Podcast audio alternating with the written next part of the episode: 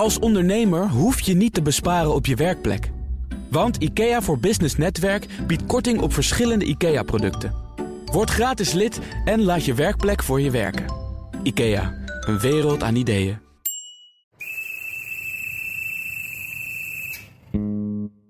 Overal rijden treinen op tijd, behalve in Nederland. Als het sneeuwt of de blaadjes vallen, dan loopt het BNS vast. Je hebt nooit een zitplaats. Overstappen is een ramp. De trein is vies en onveilig en er is geen lekkere koffie op het station. Toch geven reizigers NS bijna een 8 als rapportcijfer. Meer dan 90% van de treinen rijdt doorgaans op tijd. En buiten de spits is de kans op een zitplaats bijna 100%. Zijn we zo verwend geraakt dat we zoveel klagen? Of moet de NS echt beter? Wat wil de reiziger? NS zou nu gouden tijden moeten beleven. Spoorboekloos rijden, minder vertraging en tevreden reizigers. Maar het liep anders. Propvolle treinen, een record aantal klachten en een schreeuwend personeelstekort. Terwijl Europa druk uitoefent om het spoormonopolie in Nederland te doorbreken. Toch is het niet de eerste keer dat de toekomst van de Nederlandse spoorwegen in gevaar is. Kan NS zichzelf weer opnieuw uitvinden? Mijn naam is Ruben Eg. En ik ben Martijn de Rijk.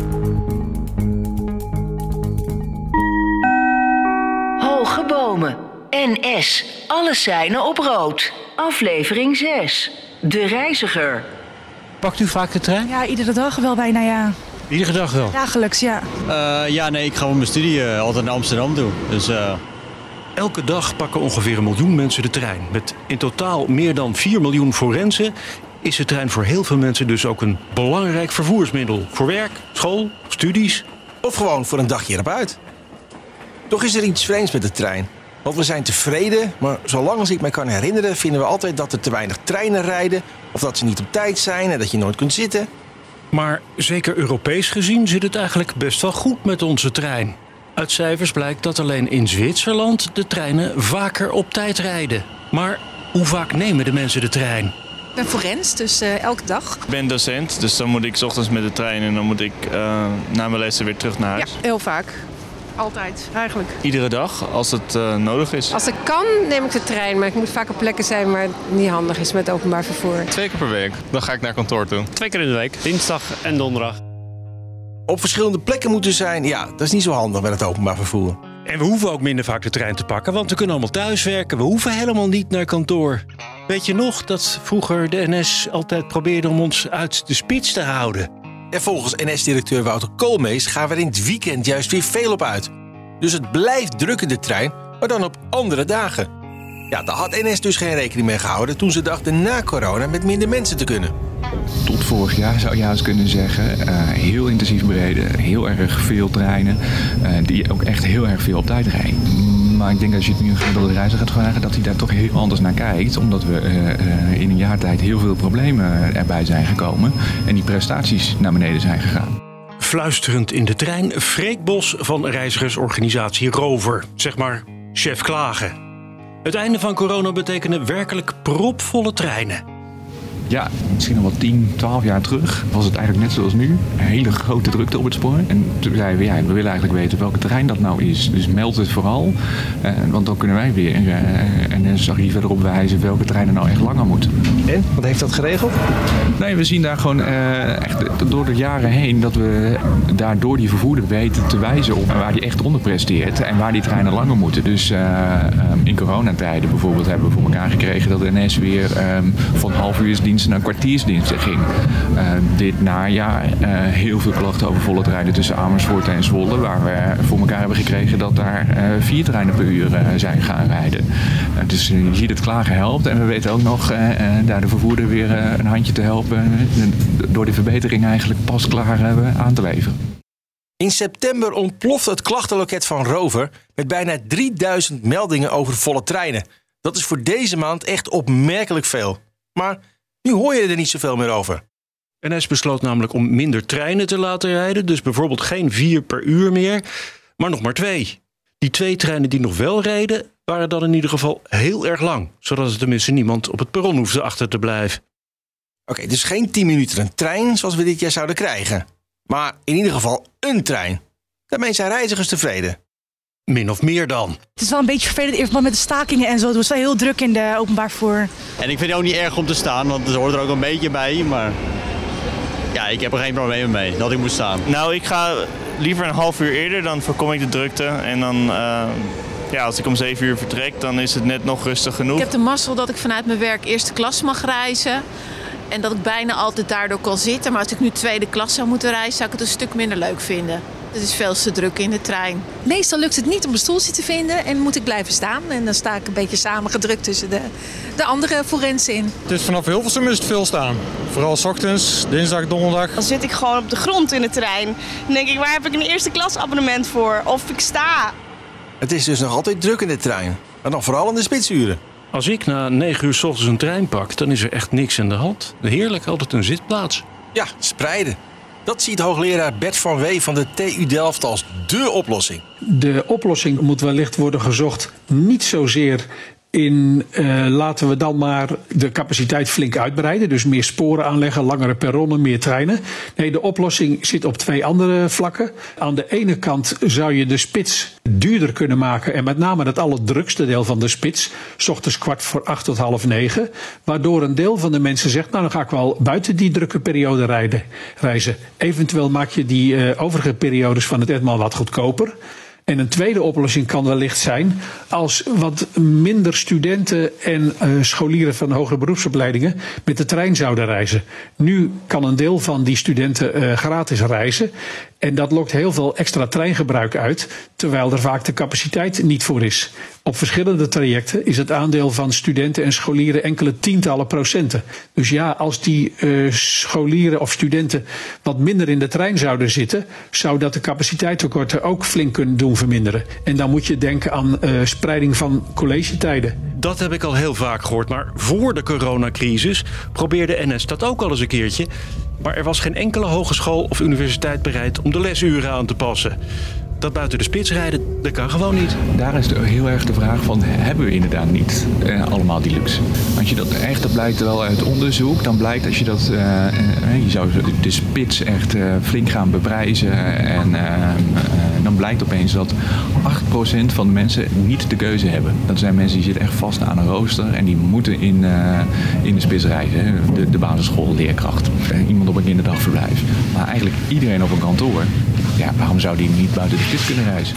Tja, als je daarnaar kijkt zoals Freek Bos van Rover dat doet.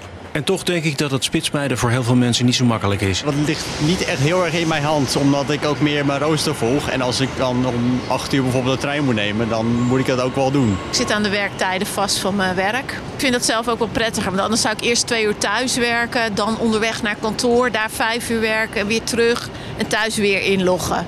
Dat vind ik niet zo fijn. Oké, okay, dan maar de spits. Dan maar de spits, inderdaad. Dat gaat eigenlijk lastig als ik in de ochtend moet lesgeven of in de avond uh, vergaderingen heb of zo. Dan kom ik automatisch in de spits.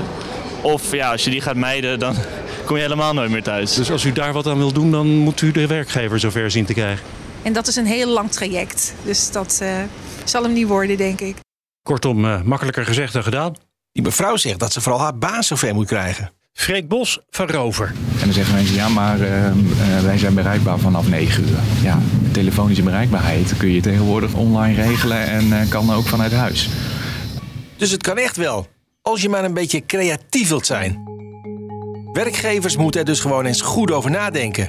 En dus ook die van Bert van Wee. Ja, bij, ook bij ons uh, wordt daar niet echt beleid op gevoerd. Ik zou zeggen, begin eens met een studie uh, waarbij je uitrekent wat is goedkoper de problemen verminderen door de capaciteit te vergroten of de problemen verminderen door de collegetijden aan te passen.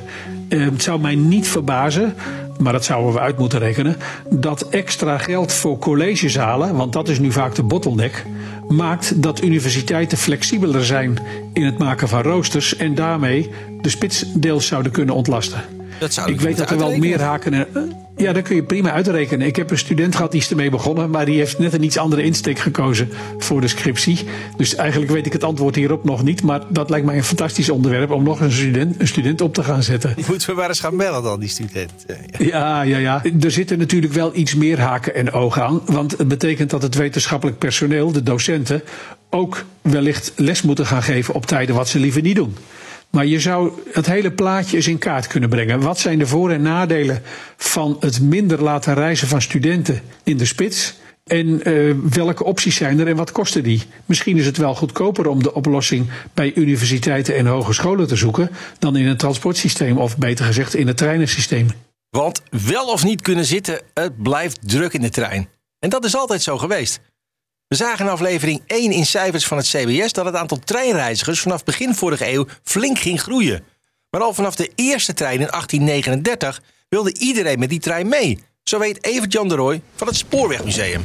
Nou, ik kan hier ook niet staan. Ik wou net zeggen, ik heb al één keer mijn hoofd eh, gestoten en de beenruimte hier is ongeveer ja. 30 centimeter. Ja. ja, nu zijn we nu wat langer dan uh, de mensen zeg toen waren. twee eeuwen geleden waren. Dus uh, nee, het was in de begintijd helemaal niet comfortabel. Het was, uh, nou, het was wel comfortabeler dan een postkoets bijvoorbeeld. Want die koetsen die ja, de wegen waren natuurlijk slecht. We hadden natuurlijk nog geen asfalt of beklinkerde straten. Het was natuurlijk veel zandpaden. En dat hobbelde en klotste. En ja, dan, dan moest je, daar kwam je ook wel eens misselijk uit. En wat dat betreft is zeg maar, de loop van de trein een stuk, een stuk comfortabeler dan, uh, dan de postkoets of een uurtje op een paard zitten. En uh, dus dat was wel een enorme verbetering. Maar de comfort van zo'n rijtuig, ja, dat sloeg eigenlijk nergens op. In ieder geval naar maatstaven van nu. Dus dat duurde ook eventjes uh, voordat dat beter werd. Voor wat voor soort mensen was de eerste trein dan? Was dat de rijke burgers of reed ook Jan met de pet met de trein? Nee, voor Jan, Jan met de pet was het niet te betalen. Een uh, kaartje eerste klas voor de eerste trein kostte 1 gulden 20. En ik geloof dat een maandinkomen van een gewone arbeider een gulden per maand was. Oeps. Dus dat, ja. Maar daar hadden ze ook derde klas. Dat was een stuk goedkoper. Kostte 40 cent voor een ritje van Amsterdam naar Haarlem. Toch nog bijna een half maand salaris. Ja, precies. Dus nee, die arme mensen die deden dat niet. En die derde klas was ook nog vrij primitief met houten banken. En er zaten ook geen raampjes in. Dus derde klas zat je ook vlak achter de stoomlocomotief. Dus daar kreeg je ook alle rook en rotzooi kreeg, kreeg je binnen. En de eerste klas, uh, eerste klas die zat helemaal achter, achter aan de trein. Uh, en die was wel voorzien van ramen. Dus dat was een stuk... En plusje banken natuurlijk. Dus dat was een stuk, een stuk luxer. Nee, maar het was eigenlijk alleen de, de rijken, de welgestelden... konden, konden van de trein gebruik maken. En... Ja, en dat deden ze ook vrij massaal. Want het werd natuurlijk al snel bekend dat je met dit vervoermiddel gewoon in no time uh, van Amsterdam naar Haarlem kon. En, en later van uh, Haarlem ook richting Leiden, richting Den Haag, Rotterdam. Werden die lijnen doorgetrokken. En uh, ja, dat gaf ongekende mogelijkheden. Het, het forense verkeer is daar ook begonnen. Want het waren industriëlen die dachten van nou, die hadden hele mooie buitenverblijven. En die gingen dan lekker op een buitenverblijf uh, zitten. En dan gingen ze 's ochtends gewoon met de trein naar het werk. En dat deden ze dan voorheen een halve dag over. Maar met de trein uh, ja, ging dat een stuk sneller. En we forensen nog steeds. Niet minder geworden door corona of in de nee, tijd? Ook niet minder, nee. Is niet minder. Twee keer per week nu. Nu. Dus is dat minder vaak dan vroeger? Corona was het vier keer per week. Om de klimaatdoelen te halen moeten er nog meer mensen de trein in. Want de trein is groen. Maar ja, er zijn mensen die er echt niet over piekeren om de trein te nemen. Die pakken de auto. Het zou wel misschien wel kunnen met de trein, maar dan zou ik me gemiddeld per stop toch gauw een 20 tot 35 minuten extra vragen. De trein. Heeft u er wel eens over nagedacht om die te nemen in plaats van de auto?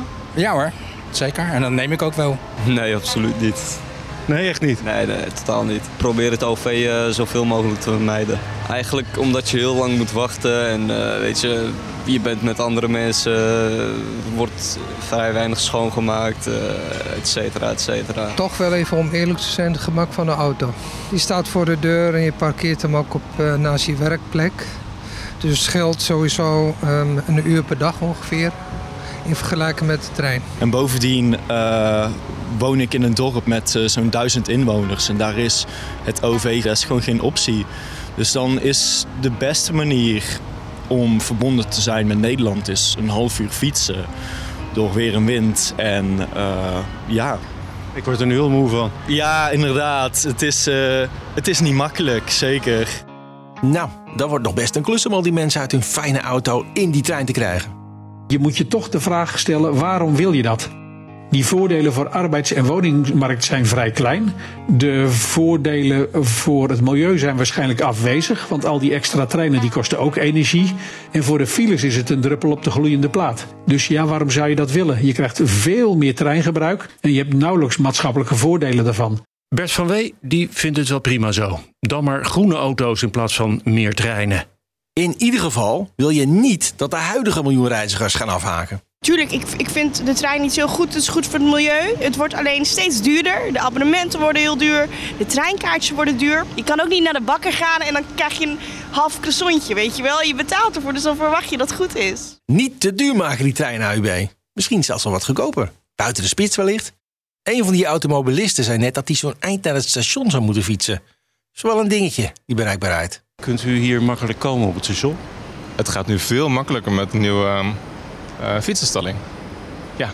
Dat is uh, echt een stuk, stuk beter dan eerst. Een metro willen van de Jordaan naar het station, maar dat gaat nooit gebeuren. Nee, ik, kom makkelijk, ik loop naar het station 20 minuten. Dat is prima. Wat ik het belangrijkste vind is dat ik, dat ik uh, ongeveer de reistijd heb die de, de NS van tevoren aangeeft.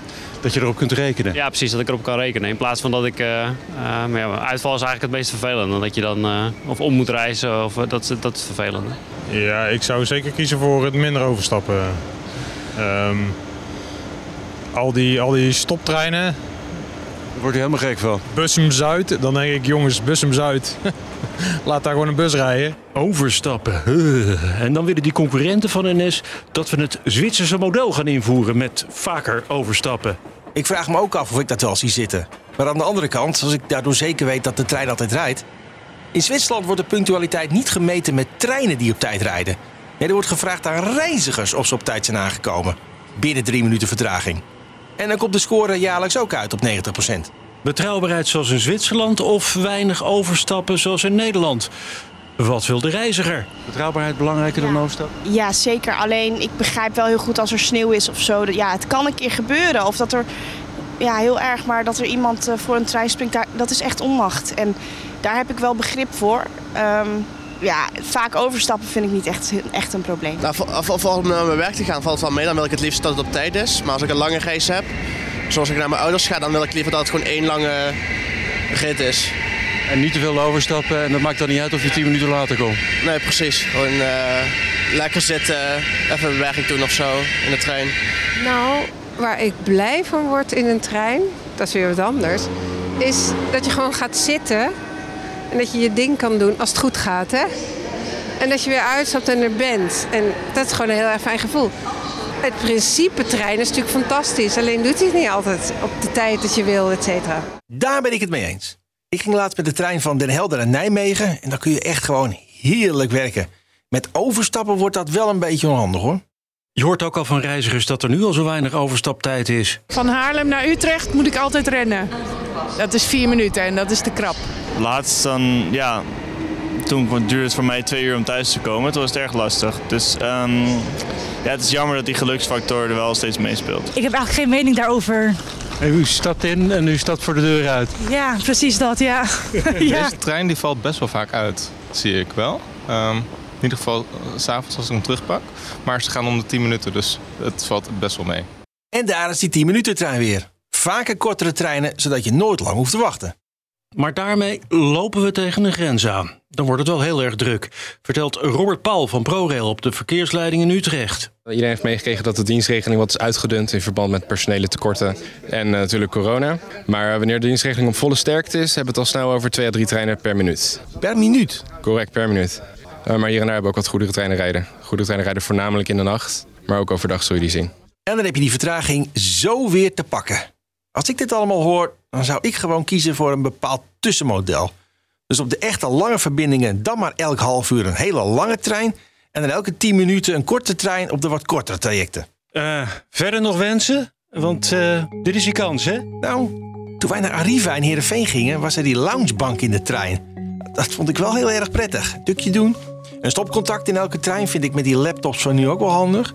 En ik wil een snelle trein naar Groningen. Vroeger, voor corona, was er nog wel altijd iemand die liep rond en die verkocht uh, flesjes drinken en hapjes eten. Die is nu weg. Ik weet niet waarom dat is. Ja, voor lange afstanden is dat fijn. Maar in Nederland zijn natuurlijk heel veel, heel veel mensen nemen kleine stukken. En wat je hier hebt op het station, je neemt je koffie, het is een andere routine, maar is ook prima. Ehm, soms als ik wat langer in de trein zit, bijvoorbeeld als ik naar, naar België ga of, of naar Duitsland, dan wil ik echt wel elektriciteit in de trein hebben zitten. In elke trein. Gewoon 220? Gewoon 220, ja. Ja, als je mij directeur van de NS maakt, dan komen er gewoon wagons specifiek voor fietsen. Dat je met je fiets zo de trein in kan rijden. En ik vind dat het treinnetwerk echt totaal heel erg slecht is uitgelegd op fietsen. De trein in fietsen. Dat is wel een goeie. Zo struikel je tenminste ook niet meer over al die vouwfietsen. Weer de trein in met Freek Bos. Ja, een kopje koffie zou inderdaad wel lekker zijn. Ehm, maar wat bijvoorbeeld ook, um, dan hadden we denk ik ook met z'n allen uh, niet. Dus het lastig rentrein wordt voor uh, 30 jaar uh, gekocht. En hadden we treinen die nu rijden 20 jaar geleden zijn gekocht, hadden we toen bedacht dat we met laptops en tablets in treinen zaten te werken. Zou je niet een soort van barkruk met een bar moeten maken waar je dan heel makkelijk met een laptop aan kan zitten? Dan heb je heel weinig ruimte, dus je kunt ook heel veel mensen op dezelfde vierkante meter doen. En dan kun je nog heerlijk werken ook. Want ga maar eens in een uh, hip koffietentje in Amsterdam kijken. Daar zitten mensen heel vaak zeg maar, op barkrukken heel hoog uh, te werken. Ik zit er ook een klein beetje in de bar. Dat is, het is hier gezellig in de coupé, ik hoorde je vraag niet. Ken je Gert Dunbar nog, de ontwerper van het NS-logo en het geel van de trein? Deze topdesigner die heeft helemaal een mooi toekomstbeeld moet eens luisteren. Die KLM, als ik nou even heel erg grote stappen neem, dat is een lost case. Je zou een heel nieuw systeem moeten maken voor stations. Stations moet je aangenaam maken.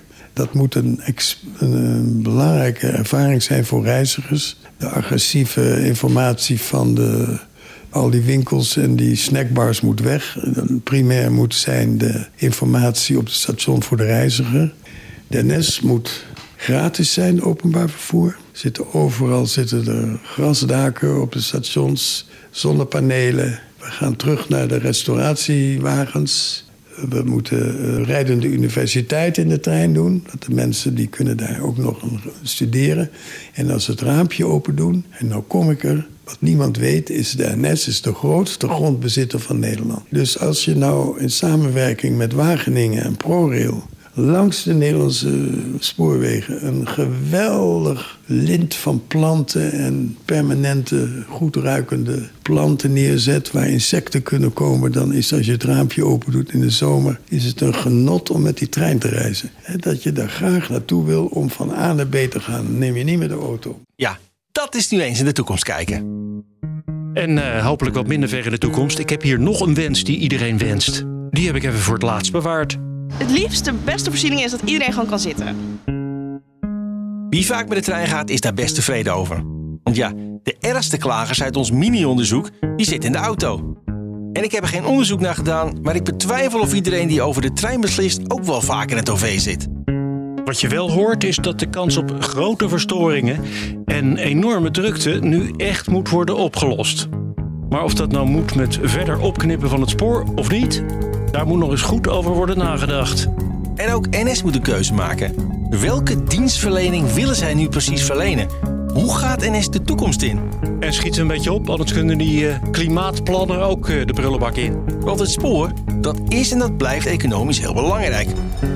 Hoe belangrijk dat is, dat hoor je in de slotaflevering van Hoge Bomen. NS, alles zijn op rood.